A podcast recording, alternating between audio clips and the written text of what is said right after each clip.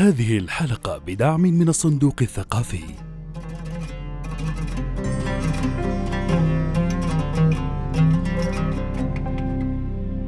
بسم الله الرحمن الرحيم أهلا وسهلا بكم أيها المستمعون الكرام في حلقة جديدة من بودكاست وكالة حرف. في حلقة جديدة نتحدث فيها عن الترجمة مع الدكتور عبد الحكيم فهد السنان أستاذ دراسات الترجمة المساعد بجامعه الملك سعود. أهلا وسهلا فيك يا دكتور. أهلا وسهلا أخوي حاتم يا هلا والله وسهلا سعيد والله بهاللقاء. الله يرضى عليك وشكرا لك لقبول الدعوة. في البداية دكتور آه، أنت مترجم آه، من اللغة الفارسية. لماذا اخترت آه، اللغة الفارسية؟ اولا سعيد بلقائك يا أخوي حاتم وبهذا البودكاست حقيقة بداية اللغة الفارسية هي مجا- مجال دراستي الأكاديمية بداء ب- بدءا من ال- ال- المرحلة البكالوريوس وانتهاء بالدكتوراه. حديثي عن أسباب الاختيار أراها إرادة من الله سبحانه وتعالى قبل كل شيء. فجميعنا يريد والله يفعل ما يريد. لكن دعني أحدثك عن اللغة الفارسية قبلا آه، وعلاقتها بأي اتجاه وليس بعلاقتها بأي اتجاه آخر. طبعا بداية يعني اللغة الفارسية هي لغة مصنفة دولة إسلامية.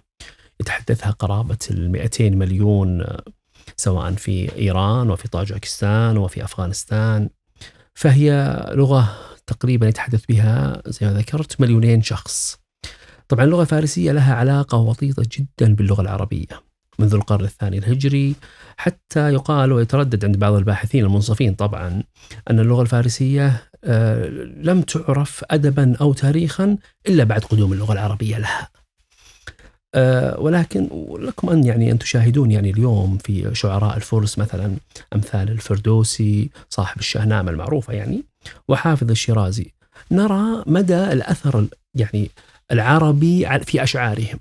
وقيل أن قوة اللغة الفارسية ووصول ال- ال- الكاتب أو المثقف أو الأكاديمي إلى درجة عالية من العلم لابد أن يكون يتعلم اللغة العربية لأنها هي أصل العلم والثقافة لدى الفرس. أه، حقيقة بدايتي مع هذه اللغة كانت عجيبة جدا. أه، أنا أتكلم عن عام بالهجري 1419 أه، كأي طالب قدم على الجامعة بعد ما تخرج من الثانوي لديه فقط بعض التخصصات التي يحرص على القبول فيها وصلني قبول تم قبولك في كلية اللغات والترجمة. رحت الجامعة. لغة فارسية. وقتها أنا ما أعرف من هي البلد التي تتكلم اللغة الفارسية. صراحة كان بالنسبة لي صدمة. لا أعرف إلا اللغة الإنجليزية في حياتي. ولا أعرف أن هناك لغات أخرى منتشرة زي ما هو حالنا اليوم يعني. ذهبت وكان عندي حلم أني أدخل هالجامعة لأذهب إلى تخصص مختلف تماما وهو القانون. أه، اجتهدت اجتهاد كبير حقيقة للحصول على المعدل المطلوب أه، للحصول على التحول إلى القانون. التحول إلى القانون اجتهدت اجتهاد كبير كان هناك مجموعة من الدكاترة مسكني أحد الدكاترة الله يمسيه بالخير إن كان, عايش يعني حقيقة. وقال لي هذا التخصص يحتاج أبناء الوطن. ما أشعر بهذا الكلام في ذاك الوقت ماذا يعني وماذا يقصد حقيقة. آه قلت له "وش- وش معنى كلامك هذا اللي قاعد تقوله لي بالضبط؟ قال هذا التخصص يحتاج أبناء وطن. اجتهد حقق أهداف تخصص في هذا التخصص ولا تذهب بعيدا. في اللغة الفارسية. في اللغة الفارسية. حقيقة ذهبت إلى البيت فكرت مرارا ماذا يقول بحثت عن هذا الكلام العميق حقيقة. استشرت من استشرت واستخرت الله سبحانه وتعالى أن أصبح دكتور في جامعة الملك سعود من اليوم. استمريت ضغطت على نفسي بكل ما تعني الكلمة ضغوطات من الخارج من الأسرة من المجتمع فارسي لغة فارسية ولكن كان عندي هدف لازم أحققه. الحمد لله حققت هذا الهدف. وأرى نفسي اليوم كأول متخصص في الترجمة في المملكة العربية السعودية من اللغة الفارسية للعربية والعكس. ف لا خلينا أبغى أبغى مرحلة البكالوريوس. كيف تقصد مرحلة البكالوريوس؟ كيف آه، كانت المرحلة التعلم نعم. وكذا؟ طبعا كانت مرحلة صعبة جدا حقيقة يعني كلغة. اليوم العالم مفتوح وممكن في دقائق تتعلم كل شيء. في ذاك الوقت يعني النت شوي ضعيف وتذكر يعني إن إحنا كيف الواحد كان يدخل النت ويشترك سعر النت غالي إمكانيته في كل مكان صعبة. التعلم في هذه اللغة اللي تعتبر نادرة جدا الوصول للناس تتحدث معها خاصة في منطقة الرياض. لا يوجد أتذكر الا اثنين أو ثلاثة كانوا موجودين في المملكة يعني سواء في جامعة الملك سعود ولا أذكر أحد آخر يعني. هي قريبة من اللغة العربية؟ طبعا هي في في حروفها نعم. يعني هي اللغة العربية 28 حرف والفارسي 32 حرف. فأربع حروف تختلف في في الكتابة. ولكن في الجملة نعم يعني تقرأ الفارسية بكل سهولة من حيث الشكل. ولكن أبصم بالمليون زي ما يقولون أي أحد يعني ممكن يطلع على مقالة ويقرأها من الخارج آه، سوف يقرا ولكن سيتلعثم حقيقة في كثير من المواضع. فهي السهل الممتنع.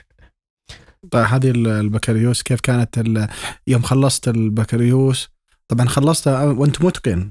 خلصتها بحكم يعني إصراري.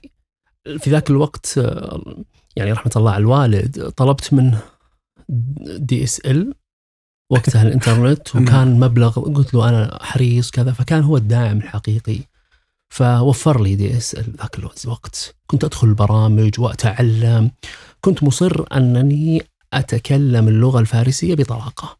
فكنت أذهب إلى مكة كنت أذهب إلى الإمارات كنت أذهب إلى كل مكان ممكن أن يخلق لي جواً- تعلم إيه. نعم جو للتعلم.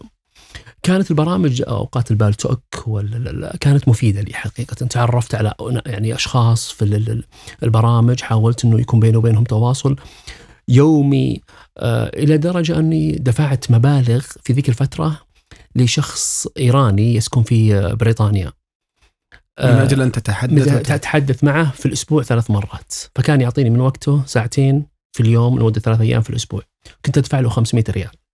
مبلغ هائل جدا في ذاك الوقت وكان يعني الوالد طالب. كنت طالب وكان الوالد هو اللي يدعم في هذا الموضوع.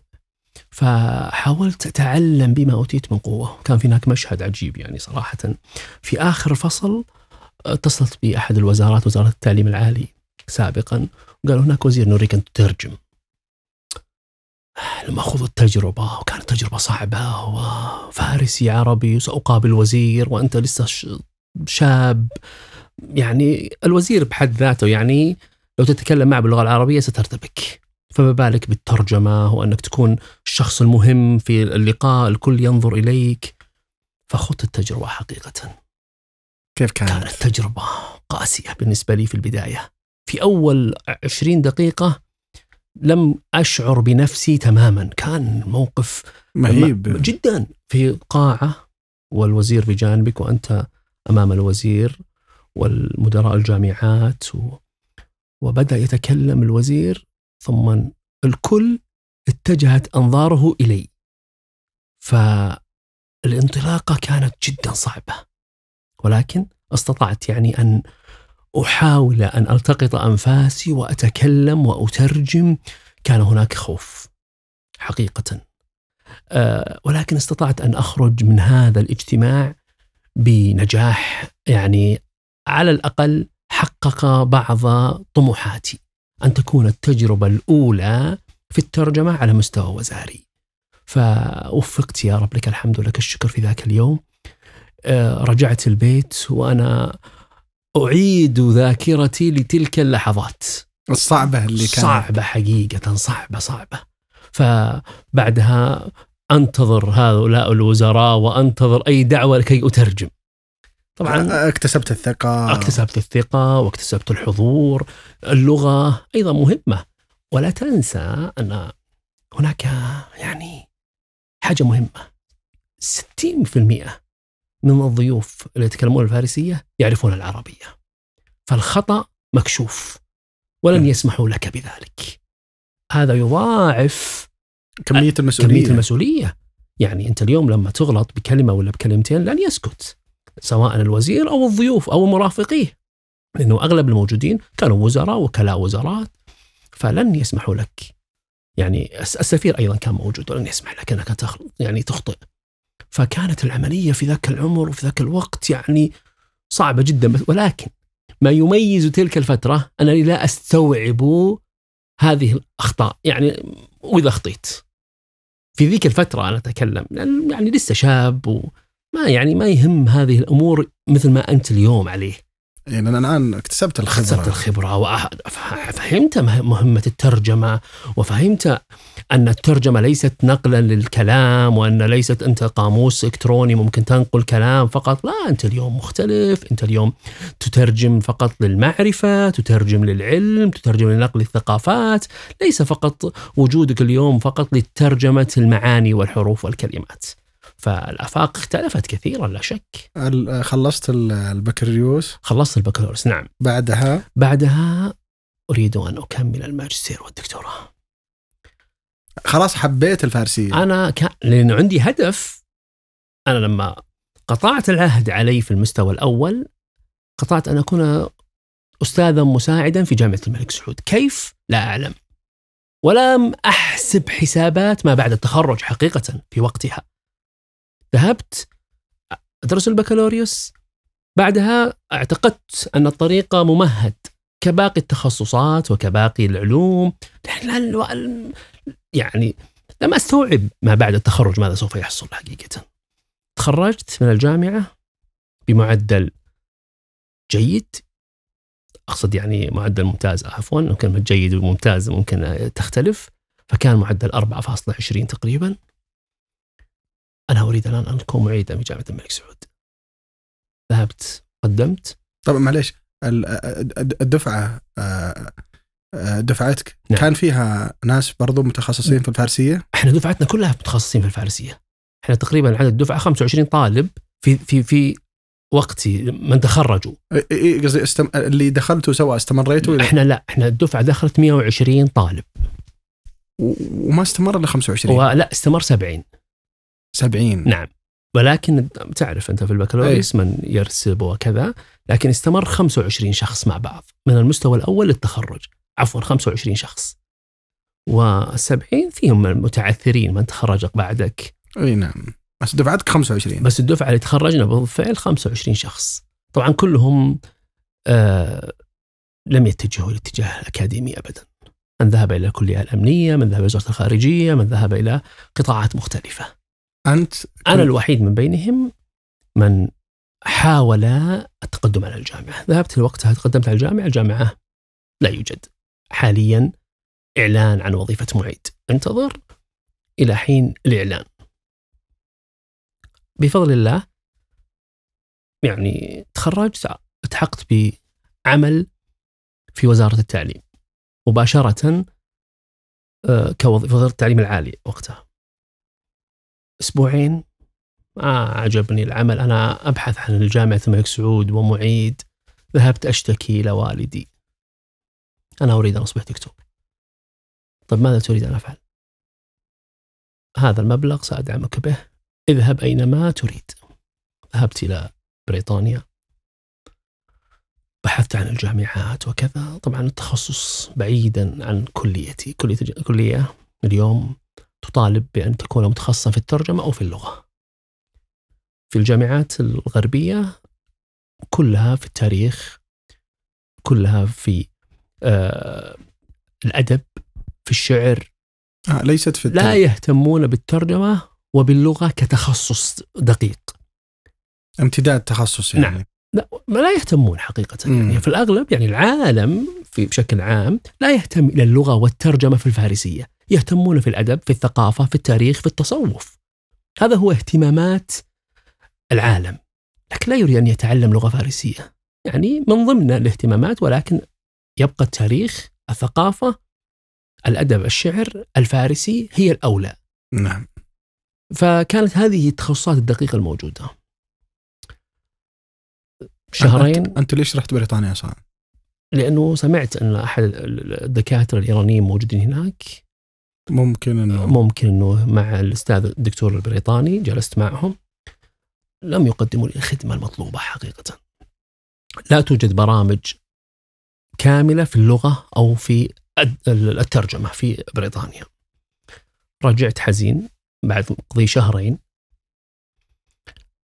اكتشفت أن مصر هي الخيار الأول. في هذه اللغة. في هذه اللغة. لا يوجد. ولا هو طبعا لا ما لم أفكر الذهاب إلى إيران حقيقة أو إلى غيرها لأنه يعني لا زال الشخص يعني لا يملك هذه الجراءة والتغرب بعيدا عن مجتمعه وأهله. فرأيت أن مصر كان خيار جيد. ذهبت إلى مصر سجلت درست سنتين في مصر كانت أيضا مرحلة صعبة. دراسة ماجستير؟ ماجستير. نعم. أثناء دراستي للماجستير بعد انتهاء مرحلة الدراسة والكورسات تم الإعلان عن وظيفة معيد في جامعة الملك سعود. رجعت فورا قدمت على الاختبار. رجعت إلى مصر مرة أخرى. كنت كانت وقت الاختبارات النهائية في مصر. في مصر. خلصت اختباراتي. وأنا في آخر يوم في اختباراتي اتصل بزميل عبد الحكيم اسمك طلع في الجريدة. طلع في الجريدة إيش؟ من المقبلين معيدين في جامعة الملك سعود معقولة؟ وابحث وقتها طبعا أنت عارف كل شيء صعب. أنا ما أتذكر كان بلاك بيري أو ناسي الموضوع والله وقتها يعني. فأرسل لي واطلعت بالفعل اسمي مكتوب في الجريدة. تم تعيينك معيد في جامعة الملك سعود فرح ما تتخيل قديش. أن طموحاتك تتحقق. بدأت الآن طموحاتي تتحقق. رجعت إلى الرياض. قدمت رحت جامعة شو مطلوب؟ مطلوب منك كذا وكذا كذا مستشفى مدري إيش الأشياء الاعتيادية هذه الروتينية. عملتها قدمت استلمت ورقه التعيين. الآن انتهيت نصف المشوار في الماجستير. بقي علي الرسالة. طبعا الرسالة لا تحتاج حضور ولا رجعت بدأ طبعا وأنا ما أخفيك يعني يمكن هذه سر من أسرار دراستي الماجستير بعد السنة تقريبا ستة أشهر اخترت الموضوع بدأت بكتابة الأطروحة آه، حتى في مصر لديهم شرط قاسي حقيقة لا يحق لخريج الماجستير أن يتخرج قبل أن يترجم كتابا. عجيب. فهذه من الأشياء اللي خلتني أحب الترجمة. يعني أترجم كتاب عيد بلقائك ليست مألوفة وخاصة أن تكون شرطا يعني غصب عليك. يعني غصب عليك تسويه ولا ما راح تتخرج معليش هذه هذا الشرط بعيد عن الرسالة ولا لا هو شرط يعني هو مرفق بالرسالة في النهاية نعم. يعني عندك أطروحة تكتبها وفيها وش كانت معلش أطروحتك؟ أطروحتي تتكلم عن القيد في اللغة الفارسية اللي هو ظروف الزمان والمكان في اللغة الفارسية وإشكالة وإشكالية ترجمتها للغة العربية. ليش اخترت هذا الموضوع تحديدا؟ أه تقريبا لأنه هناك أغلاط كثيرة في الفارسية يعني في الترجمة. لما يكتب مثلا اليوم جمله فارسية تترجم بالعربي وفق ما يشتهيه المترجم. وليس كقواعد نعم. نعم وهذا خطأ لأنه اليوم الكاتب لما يقدم ظرف المكان قبل الفعل ليس عبطا. يريد أن يبرز هذا المكان. فلما تترجم اللغة العربية تخفي هذا الملحظ. الملحظ. فتخفي هذا الملحظ لا يجوز لك. فهذا موضوع صراحة شدني كثير لما قرأت عنه. فبدأت بكتابة عنها الأطروحة حقيقة. والمشرفين يعني ساعدوني خاصة في هذا الموضوع ووجهوني خير توجيه. وترجمة الكتاب وش كان؟ واخترت رواية. كنت أحبها قبل أن أدرس الماجستير وأقرأها من حين إلى آخر لم أنتهي منها ولكن قرأتها. بالفارسية العودة إلى السعادة. العودة إلى السعادة. كانت هذه يعني رواية. فاقترحت على المشرف أن أترجم هذه الرواية. ذهبت إلى المركز القومي المصري وبحثوا عن هل ترجمت أم لم تترجم. فقالوا لم تترجم توكل على الله. تقدر تسجلها وتثبتها. سجلتها وتوكلت على الله وبدأت هالمرحلة رجعت إلى المملكة باشرت عملي كمعيد واستمريت في كتابة الأطروحة إلى أن أتى يوم المناقشة. أنت الحين آه، معلم وطالب في نفس الوقت. نعم. يعني أنا مسجل ماجستير انتهيت من المرحلة الدراسية بدأت بكتابة الأطروحة ثم كنت في جامعة الملك سعود. أدرس ومارست التدريس كل إجازة أسافر إلى مصر. تكمل أمورك أكمل الد- الأمور وكذا. بحمد الله يعني تم تحديد المناقشة في في الصيف. لأن مصر والمملكة يختلف الإجازات فكنت بالتنسيق مع الجامعة نكون في فترة الصيف في المملكة ونحن لدينا شهرين تقريبا بالنسبة لأعضاء هيئة التدريس. فاخترت التوقيت وسافرت إلى مصر وناقشت رسالتي هناك. حصلت على الماجستير. هذا عام كم؟ 2009 رجعت إلى المملكة.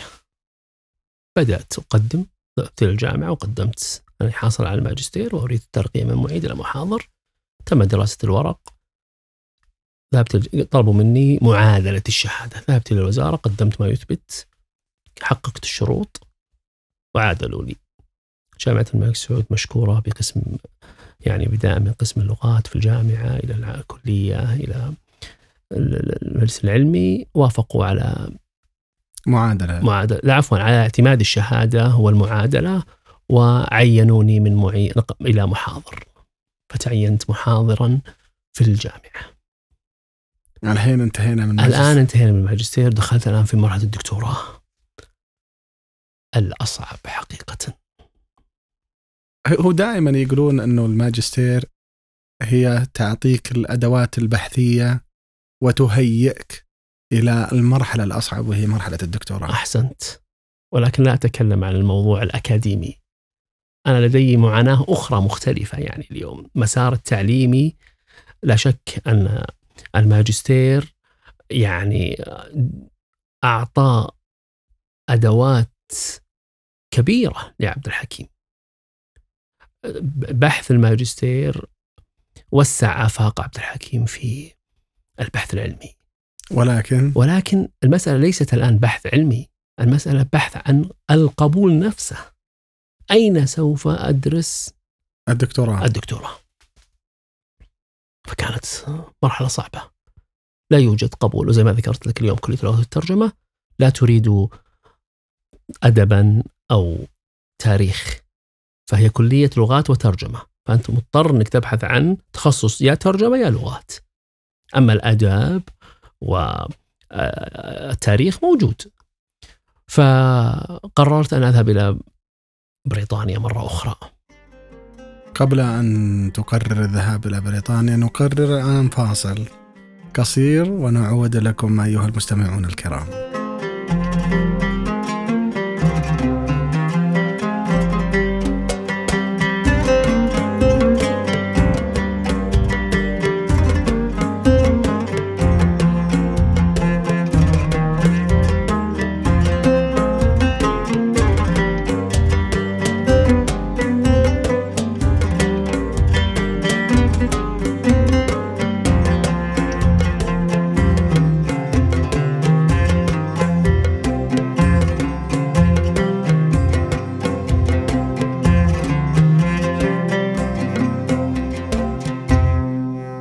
أهلا وسهلا بكم أيها المستمعون الكرام بعد فاصل قصير حديثنا هذه الليلة عن الترجمة مع الدكتور عبد الحكيم فهد السنان أستاذ دراسات الترجمة المساعد بجامعة الملك سعود أهلا يا دكتور. أهلا وسهلا أه تحدثنا قبل الفاصل عن أه مرح... أه توقفنا عند مرحلة الدكتوراه. حدثنا عن مرحلة الدكتوراه. آه، طبعا زي ما ذكرت لك بعد ما تعينت على وظيفة م- محاضر أنا الأوان أن أبدأ بتحقيق الحلم آه، ما أخفيك آه، أرجع لنفس الهم ونفس ال- الصعوبات اللي راح تواجهني. أين سوف أحصل على برنامج دكتوراه في العالم؟ كل صيف كنت أذهب تقريبا بلا مبالغة إلى دولة أو ثلاث دول. ذهبت إلى أمريكا زرت ثلاث ولايات قابلت آه، دكاترة متخصصين في الفارسية ولكن كان الأغلب يتكلم عن التاريخ وعن مجال الأدب والشعر. كان هذا في أول تجربة لي في أمريكا. طبعا كانت تجارب شخصية وسفر شخصي بعيدا عن الكلية في فترة الصيف. آه خذلت حقيقة إحباط رجعت للمملكة. الصيف اللي بعده ذهبت إلى بريطانيا إلى عفوا لم أذهب إلى بريطانيا ذهبت إلى هولندا في أحد الجامعات لايدن المعروفة. أيضا واجهتني نفس المشكلة نفس الإشكاليات. أه تعبت نفسيا حقيقة. آه لا يوجد مسار ترجمة. لا يوجد مسار ترجمة أو لغة برنامج كامل وهذا ما تطلبه الحقيقة الكلية. لأن نحن في كلية اللغات والترجمة. فلا بد أن يكون هذا هو مسارك وهذا هو تخصصك. لا يكون أدب أو تاريخ. لا يكون أدب أو تاريخ لأنه في كلية أداب واختصاصها مختلف تماما. رجعت إلى المملكة حقيقة في فترة طبعا أتكلم في الصيف وما مارست عملية التدريس. عام 2012 قررت أن أذهب إلى بريطانيا. زيارات الشهرية والأسبوعية هذه لا تكفي. يجب أن تستقر هناك. لازم أن أستقر هناك. في أحد الصيف قبل ما أذهب قابلت الدكتور في جامعة ساوس في لندن وفي جامعة أكستر. أه تحدثت معهم في فترة الصيف طبعا. كانت الأحلام وردية. قالوا تأتي وإن شاء الله خير. كيف؟ قالوا ممكن أن نصنع لك برنامجا. خصيصا خصيصا للدكتوراه وهذه المواد وممكن كذا. فلما تأتي إن شاء الله وتجلس معنا كم شهر وكذا ممكن نتخذ هذا القرار بناء على موافقات المجالس وإلى آخره. طلبت من جامعة الملك سعود مشكورة معالي رئيس الجامعة وقتها. شرحت له ظروف شرحت له فوافق مشكورا عن أذهب تعلم اللغة الإنجليزية والبحث عن قبول أكاديمي. وكانت في الفترة يعني الماضية مسموح هذا الإجراء. فتم الموافقة أن أذهب دراسة اللغة الإنجليزية والبحث عن قبول دكتوراه. أول ستة شهور حقيقة كان كل اهتمامي بأن أطور لغتي الإنجليزية. ليس غير ذلك لأن الجامعات تريد IELTS. حتى من أجل الدكتوراه من أجل الدكتوراه نعم. وكان أغلب الجامعات من ستة ونص إلى سبعة. كان أيضا مرهق. طبعا حاولت حاولت اختبرت وحققت ستة. ذهبت إلى الدكتور في جامعة SOAS وأيضا في أكستر. قبلوني من حيث المبدأ وقالوا الشرط الوحيد أن تعين عنوان البحث كي نبحث عن دكتور آخر يشرف عليك. لابد أن يكون هناك أستاذان للإشراف على أطروحتك. خمسة أشهر لا إجابة. من قبلهم. من قبلهم. لم نجد. لم نجد متخصصا في الترجمة في اللغة الفارسية. في اللغة الفارسية. نعم موجود أدب موجود تاريخ لكن متخصص في يعني اللغة هذا الشح عالمي ليس نعم. نعم لا يوجد. يعني في العالم يعني متخصص في الترجمة أنا أتكلم وفي اللغة. لكن يوجد ناس في التصوف في الأدب في التاريخ نعم. كل جامعات العالم موجودة ويدرسون اللغة ولكن ليس. ليس على هذا المستوى في مرحلة الدكتوراه و... وحدثت هذه القصة مع زميل لي أيضا في أمريكا. بل بدأ الدراسة في مرحلة الماجستير وفي المنتصف أوقفوه. قالوا له تعود. لا نستطيع أن نكمل معك لأن المشرف على الأطروحة ليس بمستوى الأطروحة. نعم. فعاد أيضا. بعد هذه الفترة رجعت حقيقة محبطا إلى المملكة. طبعا ما أخفيك كان هناك بلان بي. خطة بديلة. نعم خطة بديلة. وهي؟ وهي جمهورية طاجكستان. عدت وأنا بيدي قبول جامعة طاجكستان. إلى المملكة العربية السعودية قدمت على الجامعة. أريد تحويل مساري من بريطانيا إلى جمهورية طاجكستان لدراسة الدكتوراه. طبعا آه، الزملاء في الكلية وفي الجامعة يعني آه، باركوا هذه الخطوة وتم الموافقة على ابتعاثي إلى جمهورية طاجكستان. تكلم عن جمهورية اليوم. أنا نزلت إلى جمهورية طاجكستان. هذه الدولة اللذيذة الجميلة. هذه الدولة يعني نقول الشعب اللطيف الكريم ولكن تظل دولة من دول الاتحاد السوفيتي المفكك لا زالت البنية التحتية. لا تلائم يعني مستوى معيشة السعودي إلى يعني في المرحلة الأولى اللي ذهبت فيها في البدايات فكانت صعبة جدا. بس أصلا ليش حولت لها؟ لأني وجدت التخصص. الترجمة؟ الترجمة واللغة يوجد برامج متخصصة لأنهم يتحدثون اللغة الفارسية. طبعا ممكن يأتي ذهنك سؤال لماذا لم تذهب- لها في يعني قبل أن تذهب إلى مصر وإلى بريطانيا وتبحث؟ هم هم يتكلمون ال- يتكلمون نعم اللغة الفارسية. لا الروسية. ويتكلمون الروسية أيضا. نعم. ولكن اللغة الأم هي اللغة الفارسية. لم أذهب لأن الدولة كانت خارجة من حرب أهلية. فلا يمكن أن تذهب لها في الفترة هذه. ليست مهيئة ليست للدراسة. مهيئة للدراسة ولا, ولا العيشة التي ممكن أن تقدم عليها. فلم أذهب في إلى أن عادت البلد بعد آه، يعني فترة من الوقت. فذهبت إلى هناك وبدأت بالدراسة وكانت زي ما ذكرت من الدول ال- والذكريات الجميلة التي لا تنسى يعني تتعامل مع بشر آه، قريبين منك في الدين قريبين منك في المذهب. قريبين منك آه، اخلاقيا واجتماعيا شعب كريم لطيف بسيط. فدخلت إلى الجامعة وكان أيضا سعودي في طاجكستان. كيف؟ آه، أمر غريب. يأتي عربي إلى هذه الدولة. لم يكن شيئا مالوفا حقيقه. ولدراسة اللغة ولدراسة اللغة الفارسية. يعني كل هذه عوامل. عوامل بالنسبة لطاجيك استفهام.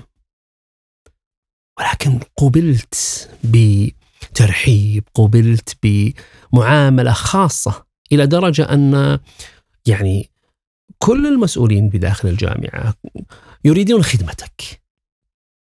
هذا لا ينادوني بالطالب في كثير من المواقف فينادوني بالضيف. أهلا بالضيف أهلا بالضيف. فكون كانت البيئة الأكاديمية بيئة البلد جدا رائعة. ومساعدة لتحقيق ومساعدة لتحقيق هدفي. لكن البرد القارص هو الذي حال دون أن تكون التجربة لذيذة خاصة معك أطفال وأسرة و يعني برد. برد شديد يعني درجة الحرارة تحت الصفر وثلوج و... فيعني مع أنه تجربة جميلة وجديدة لكن تظل يعني وفعلا لست- ما- معلش ك- ك- كدراسة هل كانوا فعلا عنده تطلعات؟ نعم نعم. لا شك كانت ال- ال- الدراسة في طاجكستان لا شك آه، ليست آه، من الجامعات القوية نقول ولا في في التخصصات بشكل عام ولكن في تخصص اللغة الفارسية نعم هم أهل اللغة وأهل البلد. فلا بد أن يكون تكون لغتهم من أقوى التخصصات. فأبدا كانت التخصص تخصص قوي وكانت الدراسة يعني بالنسبة لي أيضا صعبة. قبولهم كان ليس بالسهل. أول طبعا ثلاث شروط أن تختبر في الفلسفة. لم أعرف الفلسفة إلا قراءة. فأن تأتي وتختبر في الفلسفة كشرط للقبول أمر صعب بالنسبة لي. وأن تختبر في اللغة الإنجليزية وأن تختبر في التخصص. كانت اللغة الإنجليزية بالنسبة لي سهلة بحكم أني كنت سنة في بريطانيا. كان بالنسبة لي اللغة التخصص سهلة ولكن ماذا أعمل بالفلسفة؟ عجيب أصلا ليش هذا الشرط؟ هذه شرط للجامعة. كو- كل ال- التخصصات لابد أن يكون تختبر في الفلسفة وفي الإنجليزي بالإضافة إلى التخصص التي تدرسه. كانت مرحلة في البداية صعبة للدخول الجامعة الحمد لله. حققت ال minimum زي ما يقولون في الفلسفة وقبلت في الجامعة. ثم بدأنا بالدراسة وكانت حتى التو- التوقيت يبدؤون الساعة السابعة والنصف في الشتاء والجو الآن لم يعني تظهر الشمس. سبعة ونص صباحا. نعم. فتذهب إلى الجامعة في الليل في الصباح كأنه يعني الجو كله ليل. لسه ما تشرق الشمس إلى ثمان ونص. فتروح تحضر محاضرات فجر. يعني انظر يعني بيئة مختلفة. تدخل ويجب أن تتكيف. لازم أن تتكيف ولازم ف وكل محاضرة تدخلها عربي؟ شلون؟ كيف؟ وتبدأ الأسئلة كيف أنه في عربي سعودي يدرس في طاجكستان. يعني لا زالت الأمور آه، مطروحة هذه الأسئلة. يتعجبون. وكلما تحدث الله يمسيه بالخير كان يدرسنا وكيل الجامعة وقتها عن أخلاقيات البحث العلمي ومنهج البحث العلمي. فكان يتكلم بالفارسية كثيرا وزي ما تعرف يعني اللغة الفارسية فيها إلى 40% من اللغة العربية كلمات. فكلما تكلم جملة التفت لي وقال هل كلامي هذه لغة عربية؟ أقول له نعم استخدمت خمس ست كلمات لغة عربية. فكان يعني يستشهد كل جملة بي وبي زملائي اللي كانوا يدرسون كان معي زميل يدرس معي. فكان يسألني إذا نحن نريد أن منك أن تقوم وتتكلم خلينا نشوف الفارق. تتكلم بالعربي. أتكلم بالفارسي, بالفارسي. خلينا نشوف أنت كيف تتكلم وكيف لهجتك ثم أنا أترجمها بالعربي وهل نفهم أم لا. نعم. ف من المواقف العجيبة فوقفت وتكلمت ثم تعجب تعجبا. يعني أبهرني أنا على المستوى الشخصي. قال وقفتك وحديثك كأنك أستاذ لك عشر سنوات. قلت له نعم بالفعل. أنا من 2009 إلى 2015 اليوم وأنا أدرس في جامعة الملك سعود. فمعتاد على الحوار معتاد على الوقوف معتاد على التدريس معتاد فهذه كانت بالنسبة لهم صدمة أخرى. أنك مجيد. أنك تجيد أنت يعني هو المادة هذه هذه أهدافها، أهدافها أنك تجيد المنهج البحث العلمي، تجيد طرق البحث وكيف ممكن أنك آه، تدرس. فمادة خليط يعني. ف حيانا حقيقة وهذه من الأشياء الجميلة يعني في الخبرات التي تكسبها قبل دراسه مرحلة الدكتوراه. ف يعني لا أريد أن أطيل حقيقة في هذا الموضوع لكن يعني تجربة كانت تستحق حقيقة الكتابة. كنت أتمنى يوم من الأيام أن أكتب عن هذه التجربة. اللي في حقة الدكتوراه. من بدأت من مرحلة البكالوريوس إلى أن حصلت على الدكتوراه. سيرة هذه. أه، أعتقد نعم لا أريد أن أكبر من شأني حقيقة هي ليست سيرة. ولكن تظل يعني حكاية تجربه حكاية تجربه هذا يعني يمكن عنوان الكتاب نعم حكاية تجربه الشخصية مع مرحلة الدكتوراه نعم ممكن كذلك ولكن يعني في النهاية معلش وش كانت آه، عنوان الأطروحة؟ عنوان الأطروحة هي إشكالية ترجمة المتمم في اللغة الفارسية. هذا وش بعد؟ آه قضية المتمم المقصود فيه كل جزء في الجملة باستثناء الفعل والفاعل. ماذا يعني لا تحسبني فهمت آه أوكي يعني أقصد جملة فارسية يعني أو جملة في العالم اي أي لغة هناك فعل وفاعل ومفعول وضمير وإلى اخره من الإضافات داخل هذه الجملة. ف ما بعد الفعل والفاعل يسمى متمم للجملة. كيف ينقل إلى اللغة العربية؟ آه نعم هل أوكي. ينقل مثلا باللغة الفارسية المفعول به حرف الإضافة إلى آخره لما تنقله إلى اللغة العربية هل من حيث الشكل ومن حيث الوظيفة هل ينتقل معك انتقالا سليما أم هناك اختلافات ولماذا؟ فكانت هذه حقيقة أطروحة الدكتوراه عن إشكالية الترجمة من وإلى الفارسية في موضوع المتمم. آه متى انتهيت من الدكتوراه؟ آه انتهيت من الدكتوراه في آه 2019. طبعا لم يبقى معي إلا أربع دقائق هناك أسئلة كثيرة أنا أبغى أعرف مرحلة ما بعد الدكتوراه لكن خليني أسأل عن كم عدد الكتب اللي ترجمتها إلى الآن من الفارسية إلى العربية؟ أه ترجمت أنا أربع كتب. أه واحد رأى النور وواحد لم يرى النور بسبب مشا... مشاكل في الحقوق وإلى آخره. أه كتاب آه، بإذن الله يرى النور قريبا وكتاب آخر على وشك الانتهاء منه بإذن قصة الحقوق في في في فارس يقولون إنه حقوق مشاعة ما في حقوق ما تشابه الدول ماني فاهم يعني. موضوع إيران على عجالة خاصة في إيران. طبعا هم داخلين في اي بي أو ولكن ما بعد الثورة آه، أتت فتوى بأن ال- العلم ليس حكرا على أحد. م. فدور النشر اليوم محتارة. هل تمشي مع الفتوى ام مع التشريعات التشريعات العالمية لمنظمة الحقوق الملكية الفكرية. فلا يريدون أن يصرحون فبدأ العبث، يعني اليوم أي أحد ممكن أن يترجم داخل إيران بموجب هذه الفتوى. ولكن الأكاديمي الواعي من الداخل أو من الخارج لا يقول لابد أن أحصل على الحقوق كي أكون اكاديميا محترفة ومحترفا في عملي. هذه ببساطة جدا.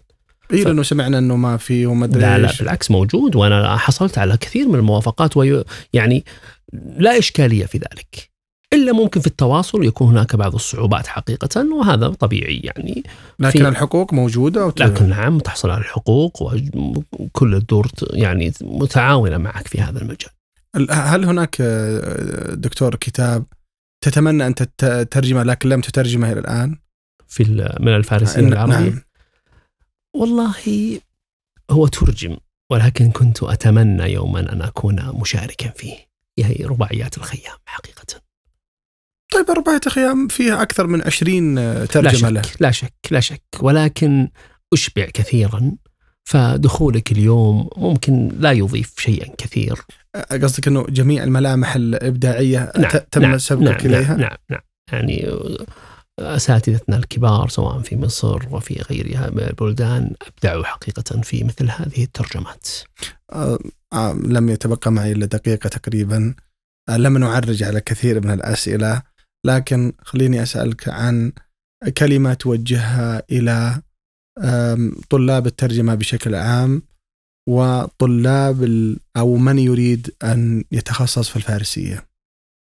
آه لا أريد أن أخصص للفارسية أو للإنجليزية أو بشكل عام. أنا أتحدث عن هذا القطاع آه الجميل. أتكلم عن هذا التخصص الرائع. اليوم دخولك إلى الترجمة يعني أنك ستصبح مثقفا مطلعا آه عارفا بالآخر بنفسك لا من غيرك.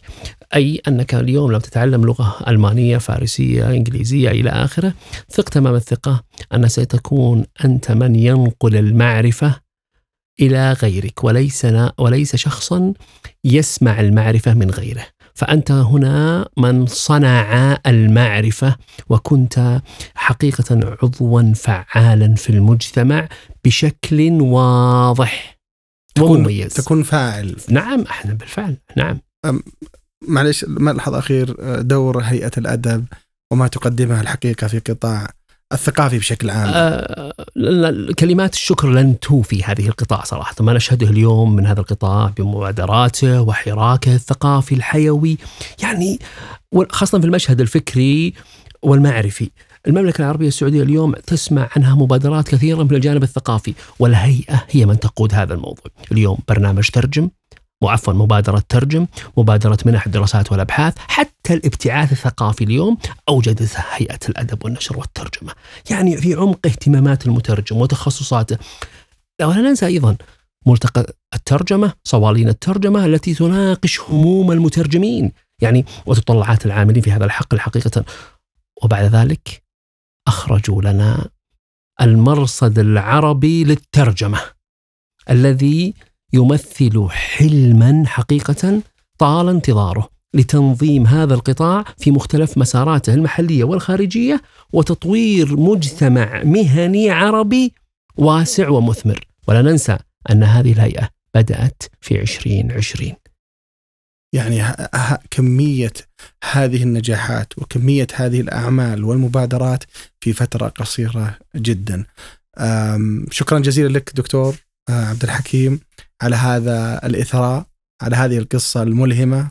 أم، راح الوقت وما سألنا كثير من الأسئلة وهذا آه، بسبب جمال وطرح أسلوبك. شكرا جزيلا لك يا دكتور. الله يعطيكم العافية. شكرا لكم أنتم أستاذ حاتم وشكرا للمستمعين الكرام وأتمنى أن نكون حلقة خفيفة جميلة. شكرا. الدكتور عبد الحكيم فهد السنان أستاذ دراسات الترجمة المساعد بجامعة الملك سعود. شكرا جزيلا لك. شكرا لكم أيها المستمعون الكرام. نلتقيكم في حلقة أخرى بإذن الله. السلام عليكم ورحمة الله وبركاته.